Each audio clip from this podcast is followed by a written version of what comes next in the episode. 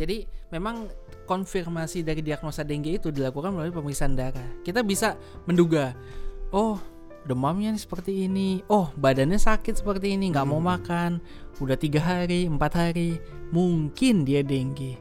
Tapi kita baru bisa bilang dia pasti dengue dari hasil pemeriksaan laboratorium.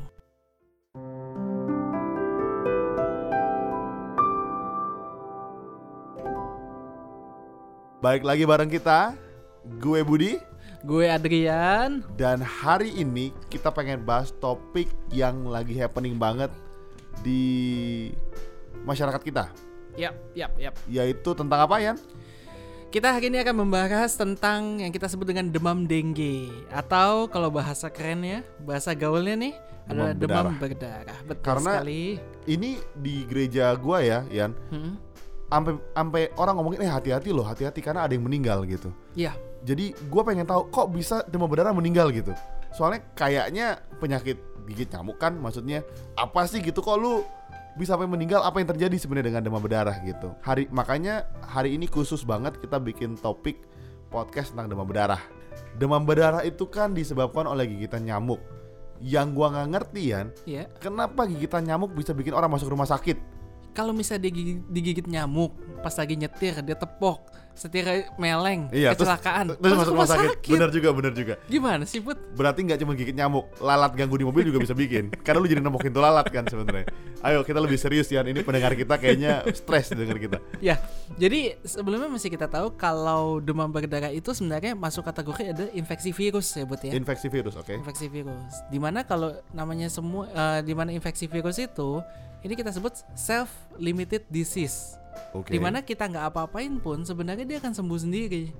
Oh, gitu ya? Ya, nggak ada obat khusus yang kita berikan untuk memberikan eh, kesembuhan bagi penderita dengue. Kita sebut dengue ya. Jadi tidak ada obat khusus yang diberikan untuk penderita penyakit dengue.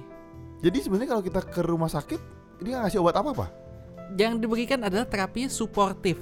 Suportif dalam arti, jadi eh dengue-nya sendiri ini dia akan bisa sembuh setelah melewati fase kurun waktu tertentu. Biasanya sih kurun waktunya itu antara sekitar satu mingguan ya, plus minus 2-3 hari. Nah, dalam masa itu apa pun yang tubuh kita perlukan itu akan disupport. Misalnya tubuh kita kurang cairan ya kita berikan cairan.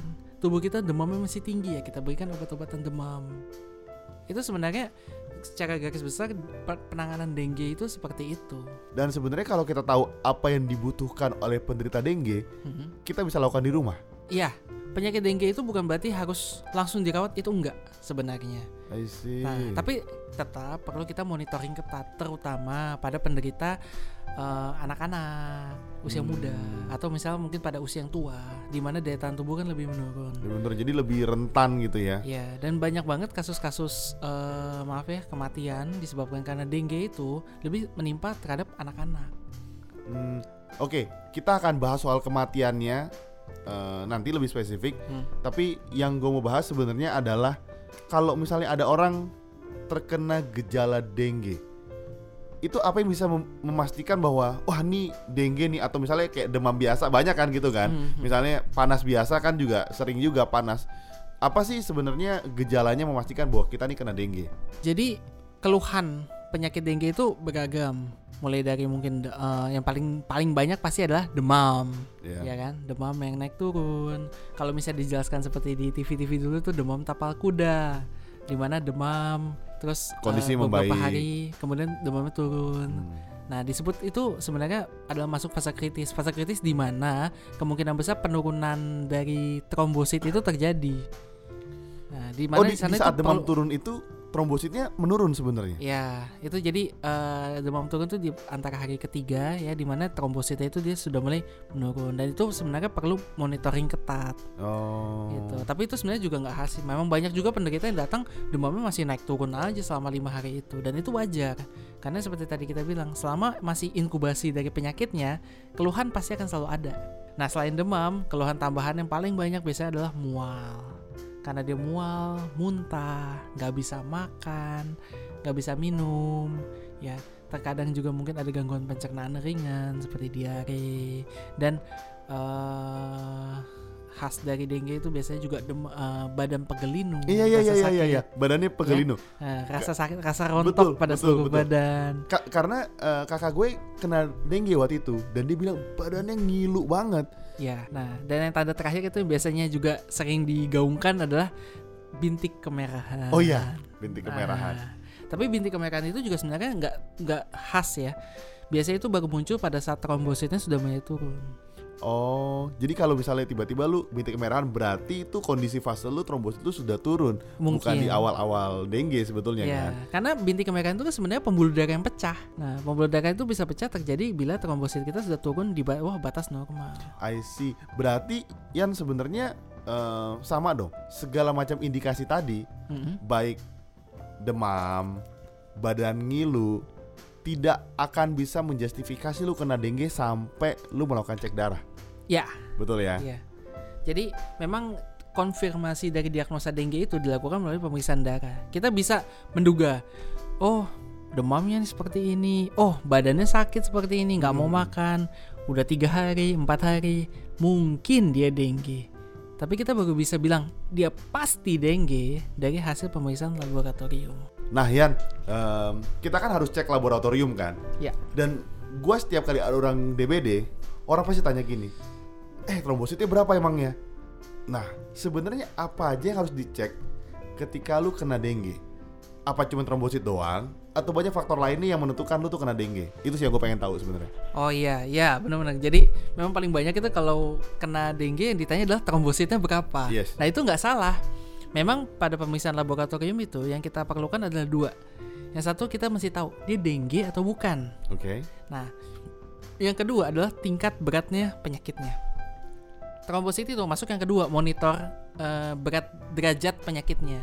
Nah, kalau misalnya kita mau tahu nih dia kena dengue atau enggak, dan gua rasa sobat-sobat mungkin sudah banyak sering mendengar kan pemeriksaan namanya NS1 antigen. Nah, ini pemeriksaan ini dia bisa positif dari hari pertama. Tapi positifnya NS1 cuma menandakan, ya, lu kena demam berdarah. Iya, lu kena dengue. Tapi dia nggak menjawab seberapa berat sih kondisinya gitu. Nah karena itu perlu monitoring kedua berupa trombosit. Itu yang menentukan seberapa parah lu kena dengue. Ya seberapa parah, terus juga kira-kira perjalanan penyakitnya sudah hari keberapa itu bisa kita prediksi dari sana. Oh gitu. Ya tapi itu nggak cuma trombosit aja. Kita pemeriksaan itu kita sebut dengan H2TL. Di mana kalau kita periksa itu adalah eh, darah rutin itu ada hemoglobin, hematokrit, leukosit, sama trombosit.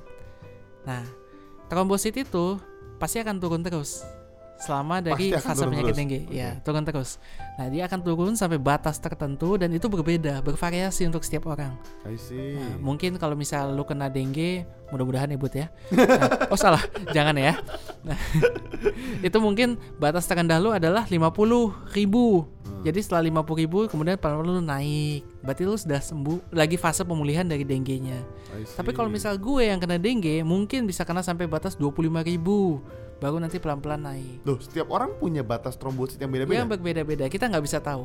Bahkan kalaupun orang sudah kena dua kali dengue, nggak berarti oh pertama kali dia kena batasnya 100 ribu, yang kedua pasti 100 ribu juga. Itu enggak. I- itu tergantung apa ya maksudnya kondisi fisik lu yang lemah. Kondisi fisik eh, pasiennya, eh, subtipe dari virus yang menyerangnya itu juga berpengaruh juga. I see. Nah, tapi yang jadi indikator dari dekat eh, cukup enggaknya cairan, bagaimana kondisi pasien ini kita katakan cukup bagus, cukup termonitor itu adalah dari hemoglobin dan juga hematokritnya. Kita usahakan pada penderita demam berdarah itu jangan meningkat. Ataupun meningkat, meningkat jangan terlalu tinggi. I see. Karena itu menandakan tubuh pasien itu kurang cairan dan pada penderita demam berdarah kalau kurang cairan itu tandanya agak kurang bagus. Hmm, terus eh, waktu waktu kena kakak gua kena dengue ya, Iya. kan ditanya trombositnya berapa. Terus gua nggak tahu sekalian kita bahas ini mitos atau bukan. Mm-mm. Orang berlomba-lomba untuk memberikan jambu merah atau ada obat Cina yang menambah trombosit Oh katanya. iya. Apa iya trombosit bisa ditambah dengan sesignifikan itu dengan asupan yang kita makan dari luar? Itu sih yang gue mau tanya. Penasaran gue. Sebagai tambahan ya mungkin boleh diusahakan karena pemberian eh, jambu merah sendiri itu kan sebenarnya bukan kontraindikasi ya pada Oke, penderita dengue. ya, Jadi iya, iya. ya kita berikan sambil kita berharap memang trombositnya bisa naik. Tapi memang kalau dari eh, sisi segi medis yang benar-benar terbukti pasti bisa meningkatkan trombositnya adalah transfusi. Transfusi Transfusi darah? trombosit, iya.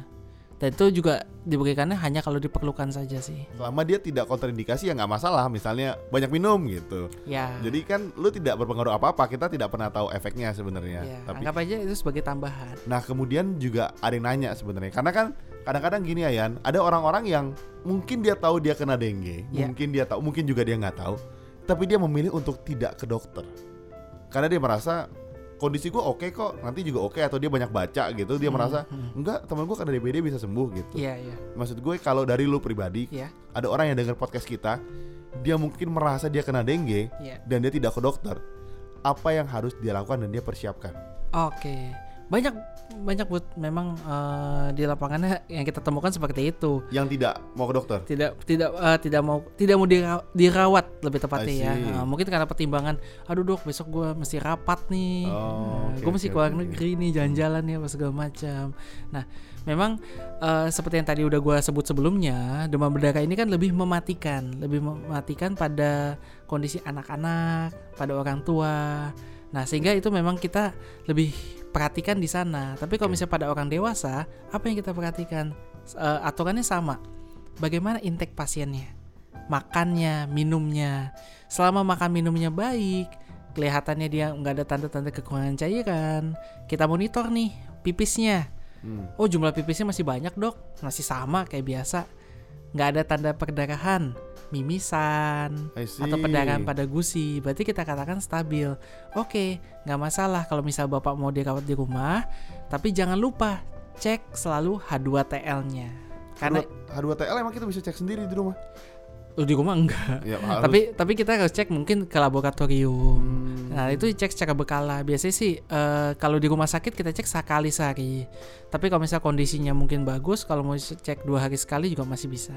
di laboratorium jadi cetak eh, jadi kita ke laboratorium untuk cek yang tadi gitu ya maksudnya. Ya karena sekali lagi itu adalah monitor perjalanan penyakitnya dan tingkat keberatannya. I see. Gitu. Berarti seperti yang lu bilang di awal ya bahwa penyakit yang disebabkan oleh virus akan sembuh dengan sendirinya. Ya Kita harus memonitor aja sebenarnya separah apa penyakitnya dan tindakan kita sendiri, betul ya? ya betul. Dan Hmm. sekarang kalau misal ternyata pada perjalanan penyakitnya, wah pasiennya jadi nggak bisa makan, Hmm. darahnya jadi cenderung agak kental nih.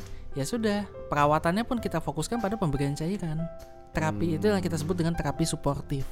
I see. Kalau di rumah sakit kan gampang karena tinggal infus gitu. Kalau misalkan di rumah kan dia harus memaksa dirinya buat minum kan. Ya. Sekalipun badannya nggak enak gitu kan sebenarnya kan.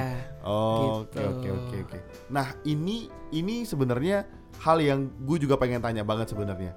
Ada nggak sih komplikasi dari demam berdarah?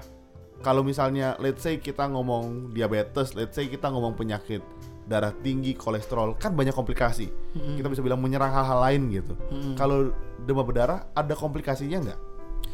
Eh, kebanyakan pasien yang meninggal karena demam berdarah itu sebenarnya disebabkan karena komplikasinya. Salah satunya ya itu tadi kita lihat dari hemoglobin dan hematokritnya, wah tinggi sekali. Berarti darahnya pekat. Pasien ini kondisi kurang cairan. Kita harus kejar pemberian cairannya seperti itu. Cuma biasanya pada anak-anak dan mungkin yang eh, berat badannya sedikit berlebih itu kita kadang-kadang agak sulit untuk mengejar eh, kekurangan cairannya tersebut gitu. Makanya lebih baik disarankan pada kondisi anak-anak dan trombositnya turun terus, biasanya kita anjurkan untuk perawatan inap agar kita lebih mudah monitoringnya. Nah, jadi buat uh, teman-teman di luar sana yang mungkin lagi ngerasa mungkin gua ya kena dengue ya. Pertama, pastikan kalian banyak sekali minum air. Terus kalau memang gejalanya dirasa makin parah, mendingan saran sih bawa ke dokter ya. Ya. Gitu. Atau kalian cek lah, maksudnya lebih aman juga gitu kan. Mm-mm. Terus yang pasti kalian masih banyak minum. Kalau dari gua yang awam sih gitu. Mungkin yang lu punya hal-hal lain yang lu mau sharingin mengenai dengue ini. Oh iya. Eh, selain yang tadi udah disebutin sama sobat gue nih si Budi, eh, sebagai tambahan yang nggak kalah pentingnya adalah kita harus mencegah penularan dari demam berdarah ini. Jadi hampir semua pasien yang eh, positif dengue itu kalau kita tanya ada nggak sih yang lagi menderita demam berdarah? Oh iya, kemarin di sekolah juga temennya ini sakit. Oh iya, tetangga di sini juga sakit. Ya ya ya. oh ya, iya, ya. kemarin di RT ini juga ini kasusnya banyak. Nah, yang yang kita harapkan adalah kita tahu kalau misalnya demam berdarah ini si dengue ini disebabkan karena nyamuk. Nah, kemungkinan besar kita tidak menjaga lingkungan kita dengan benar. Ada tempat di mana nyamuk itu bisa berkembang biak dan menularkan dengue di lingkungan kita. Ya, jadi ada baiknya kalau misal memang seseorang sudah terdiagnosa dengue, maka bekerja sama, kolaborasi dengan mungkin RT RW setempat gitu untuk mungkin kita lakukan kembali fogging. Betul, kita berangkas lagi eh, bibit-bibit dan sarang-sarang nyamuk ini. Jangan sampai ada korban lain yang menjadi dengue. Yan, satu pertanyaan terakhir sebelum lupa. Ini gue pengen tanya. Kalau misalnya ada seseorang dengan kondisi tubuh fit, memang dia sehat, dia fit, tergigit oleh nyamuk pembawa wabah ini, apa yang terjadi biasanya? Jadi eh, yang gue bilang tadi kan kita kan monitoring tingkat keberatan penyakitnya ya, tingkat derajat berat penyakitnya.